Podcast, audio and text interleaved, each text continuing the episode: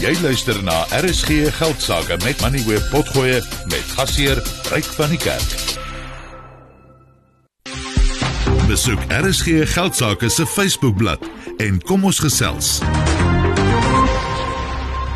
Ek het gisteraand met Estienne de Klerk van die eiendomsgroep Growthpoint gesels oor die ooreenkoms wat hulle met Etana gesluit het om elektrisiteit van verskeie hernubare kragaanlegte te koop. Nou een van die aanlegte wat deel van die projek vorm is 'n hidroaanleg in die Sakrivier. Nou dit is die rivier in die Vrystaat waar die water wat Suid-Afrika van die Lesotho Hoogland waterskema ontvang inloop en die water vloei dan later in die Vaalrivier in. Die hidroaanleg word deur Serengeti Energy gebou en as dit eers voltooi is, sal dit hulle 4de projek in die Asrivier wees. Op die lyn is Stafford Harris. Hy is die besturende direkteur van Serengeti Energy. Stafford, thank you so much for your time. We have spoken a lot about renewable energy on this show. But we have mainly focused on wind and solar technologies. Hydro plants have not been frequently mentioned as a significant option to generate electricity in South Africa. First of all, tell us about the hydropower industry in South Africa. How significant is it? Obviously, we're a water scarce country in South Africa, so we predominantly don't have large scale hydro projects. There is some older projects that were developed and owned by Eskom, but in the private sector, there's very little existing hydro projects other than our projects. There's some projects up north towards the Orange River system. But what makes our project unique as well as our existing projects is it's on the Lesotho Highlands water transfer scheme, which is between intergovernment treaty between South Africa and Lesotho.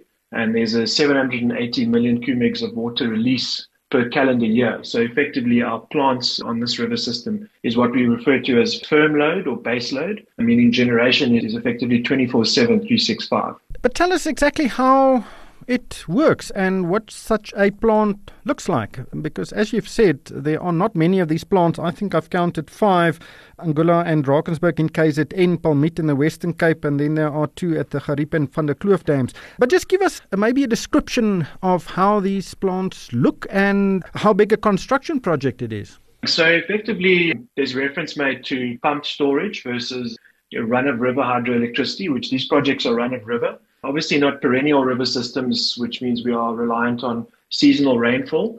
But this project is effectively a five megawatt project. It's a Kaplan turbine interconnected directly into the Eskom grid. Our capex cost for this project is around 360 million, so 72 million per megawatt.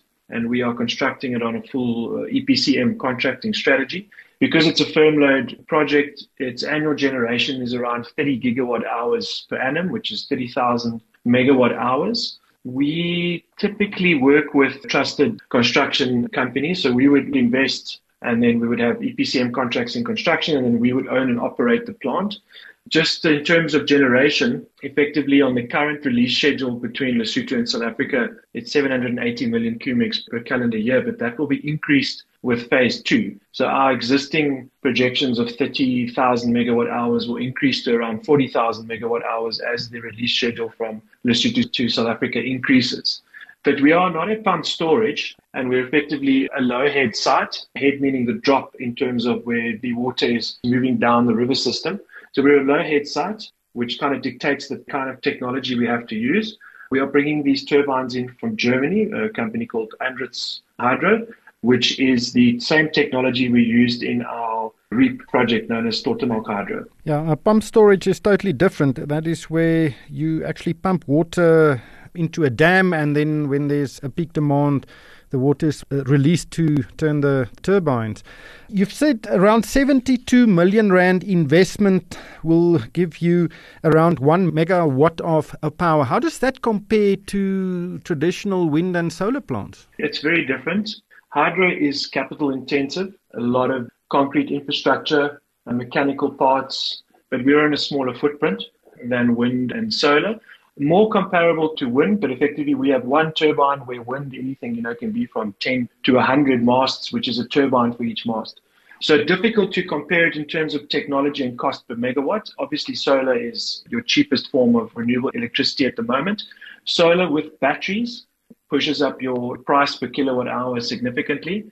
But then effectively we are high capex per megawatt, but we are 24 7, 365. So we effectively would run the same as a gas-fired plant or a coal-fired plant, except that we grew fully green. So it's a type of baseload technology as opposed to wind and solar, which are dependent on the wind blowing and the sun shining. Correct. And obviously, with solar, it's peaking at potentially times when you are not in need of it. But still, the energy mix needs to be diversified between these three technologies as well as existing old infrastructure. But it's definitely steps in the right direction. And it's been really great to work with the team at Growthpoint and Etana. And they appreciate the technology and the amount of electricity that we can produce consistently.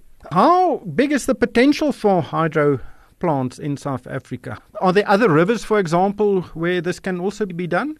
There are other rivers. So what's unique about these projects is obviously it's on a man-managed water transfer scheme. There's effectively two years of water storage behind your plant in Lesotho, which is the Katse and Mohale dam system.